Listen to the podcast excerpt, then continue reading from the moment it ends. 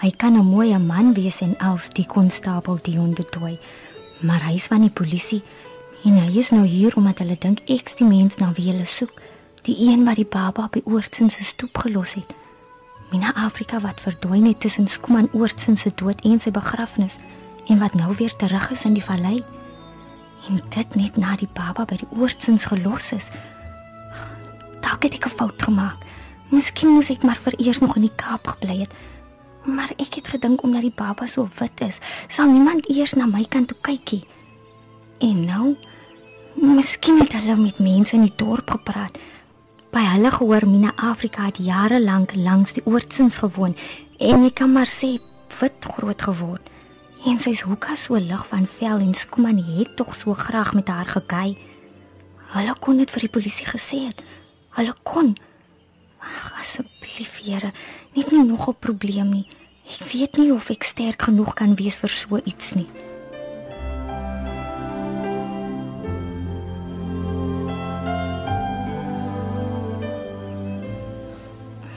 Hier's nie 'n sitkamer nie.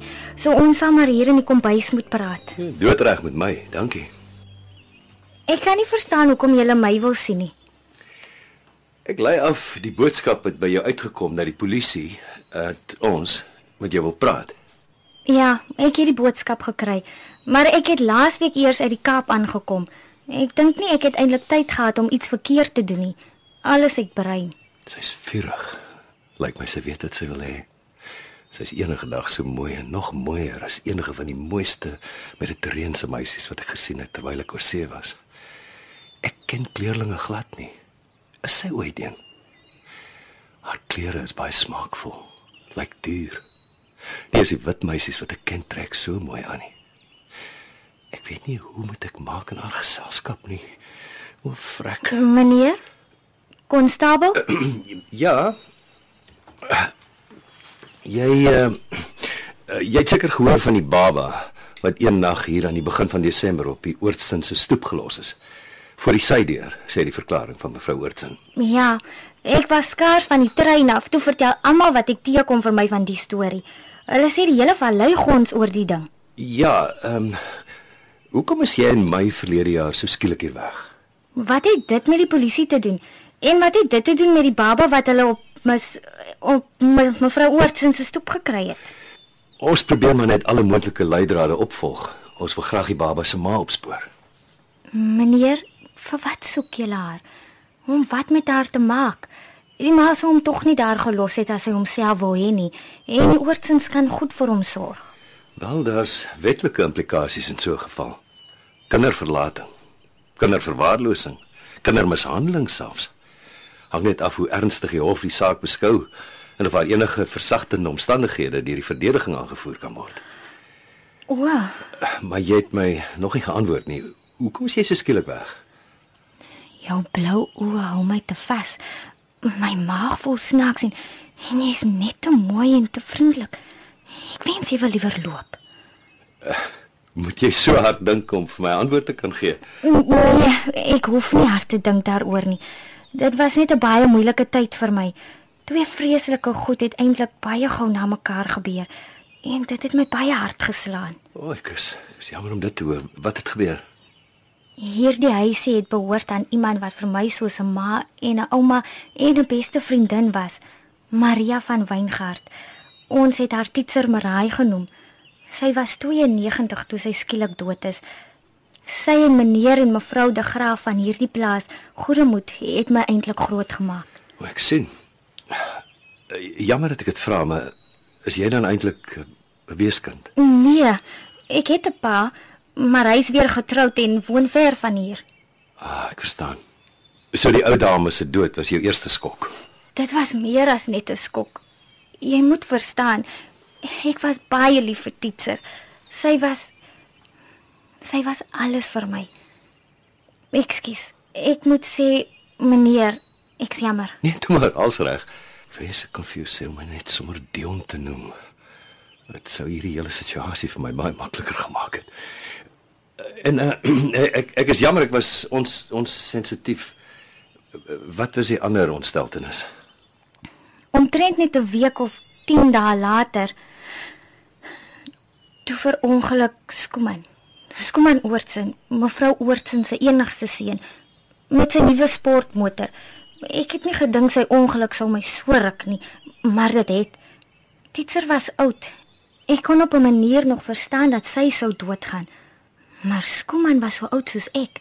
Mens gaan mos nie dood as jy net 18 is nie. Ja. Is nog 'n ding waarna mense nie eintlik dink as jy nog so jonk is nie. Ek meen ek dink nie daaraan nie. Dan verstaan jy. Ag, ekskuus tog. Meneer, Los nou die gemenerery. Praat soos wat jy gemaklik voel. dankie meneer. In elk geval. Toe dog ek ek kan weghardloop van alles.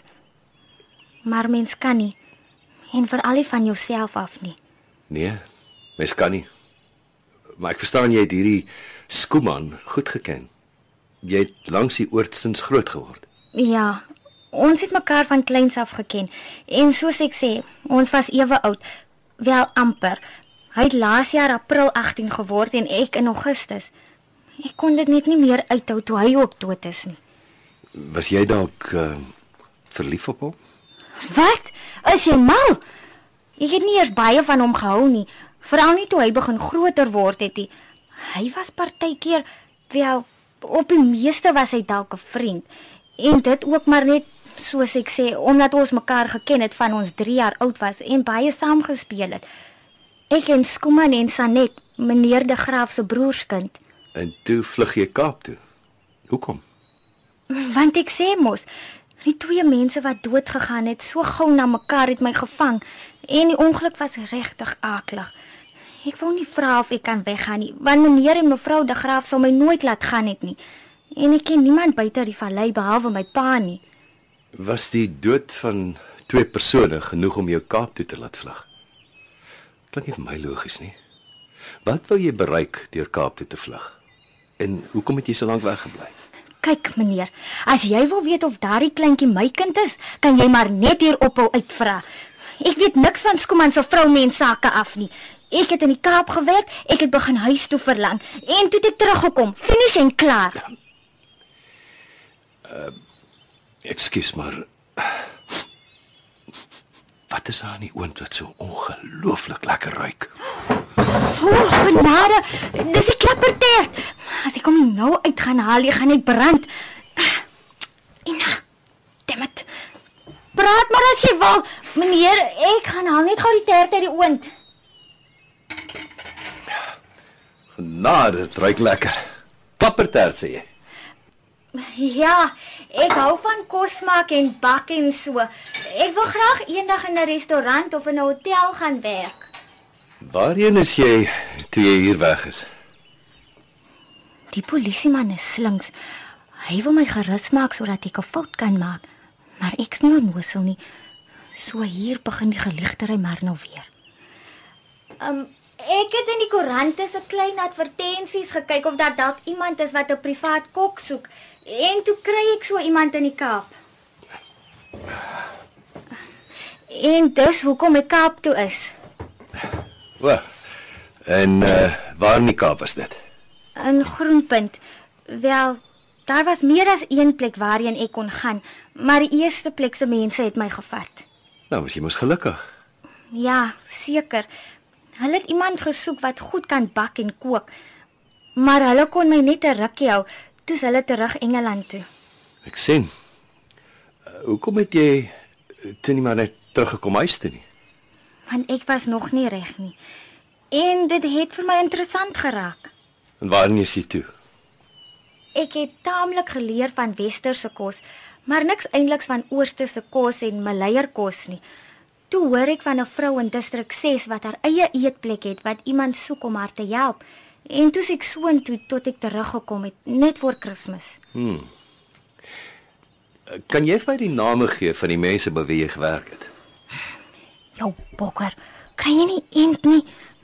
Wil jy my uitvang sodat die polisie my kan tronk toe vat of doodskiet soos vir Dylan? Die eerste mense was Anne en Dorothy Brown van Tower Mansions in Hoofweg Groenpunt. Dalk vat dit hulle 'n rukkie om uit te vind die inligting is vals as hulle ooit sal gaan probeer uitvind. En die vrou in distrik 6 is Sarah Adams van Ceres Cafe en Dine in Hannoverstraat. Wou meneer dalk 'n snytjie van die tert proe? Ek dog jy vra nooit nie. Ja, ja, ja, asseblief baie graag. Was daar nog iets wat meneer wou weet? Uh nee, dankie, nee. Ek ek dink ek het voorlopig alles gevra wat ek wou. Ons sal net die inligting deur ons kollegas in die Kaap laat verifieer en as daar enigiets is waarvan ons moet seker maak, dan praat ons weer. Ek hoop dit smaak lekker vir meneer. Ruik eerlik en lyk eerlik.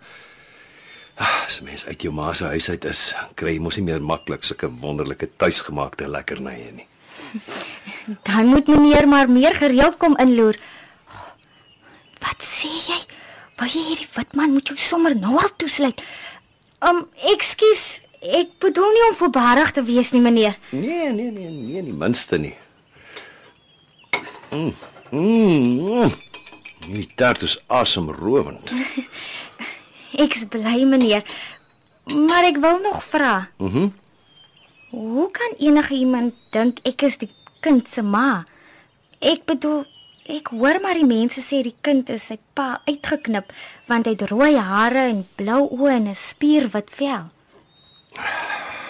Genade, dit was lekker. Nee, ek ek weet nie. Ek verstaan daar's glo baie wit bloed en bruin mense en andersom. Is seker maar hoekom die polisie en die welsyn na alles wil kyk. Ek is nou net 'n paar dae hier. Toe gee hulle vir my hierdie taak. So ek doen maar wat gesê word om te doen. En, en moet my asseblief nie meneer noem nie. Sê vir my Dion. Uh, maar nou ja, nou moet ek gaan. Ah, Dankie vir die heerlike tert. Dit is gaaf om jou te ontmoet.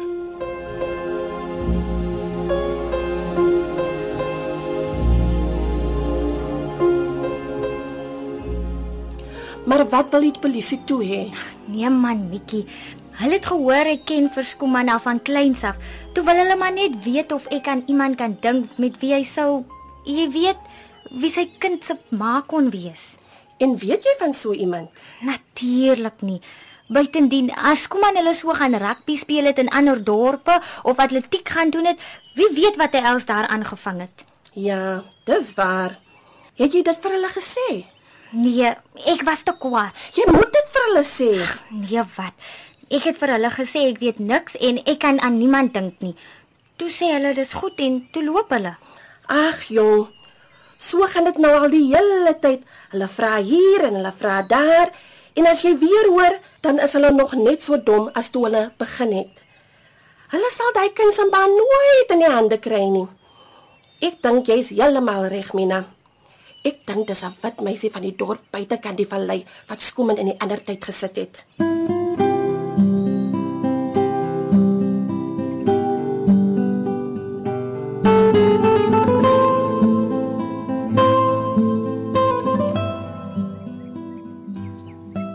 Maar is dit tog nie Mina Afrika nie? Mooi Mina wat so lekker kan kook. Môre meneer Viljoen. Genee wat man ons ken mekaar mos beter as dit. Noem my gaan gerus sommer net vleis, oom vleis. Reg, dankie oom. Jy was mos weg gewees het ek gehoor. He. Ja oom. En het jy nou al besluit wat gaan jy maak met jou erfgeld? Erfgeld. Wat se erfgeld oom? Maar jy jy weet tog seker van die stomme Elsie Libbe se testament. Nee oom, ek weet van niks af nie. Na die ou mensie se dood het Stefans de Graaf gesê sy het alles wat sy besit aan jou nagelaat. Lok, stok en barrel. Oom? Ja. Erik en Stefan sal die huisie seker vir jou moet verkoop want dis nou ongelukkig in die blanke gebied, maar jy jy behoort 'n goeie klompie daarvoor te kry. Want daar's besigheidsregte op nes die twee weerskante van haar ou huisie wat wat hulle winkels van gemaak het. Hi oom vleis. Is dit regtig alles waar? Maar uh, ja, jy, jy's nou in die pound seats.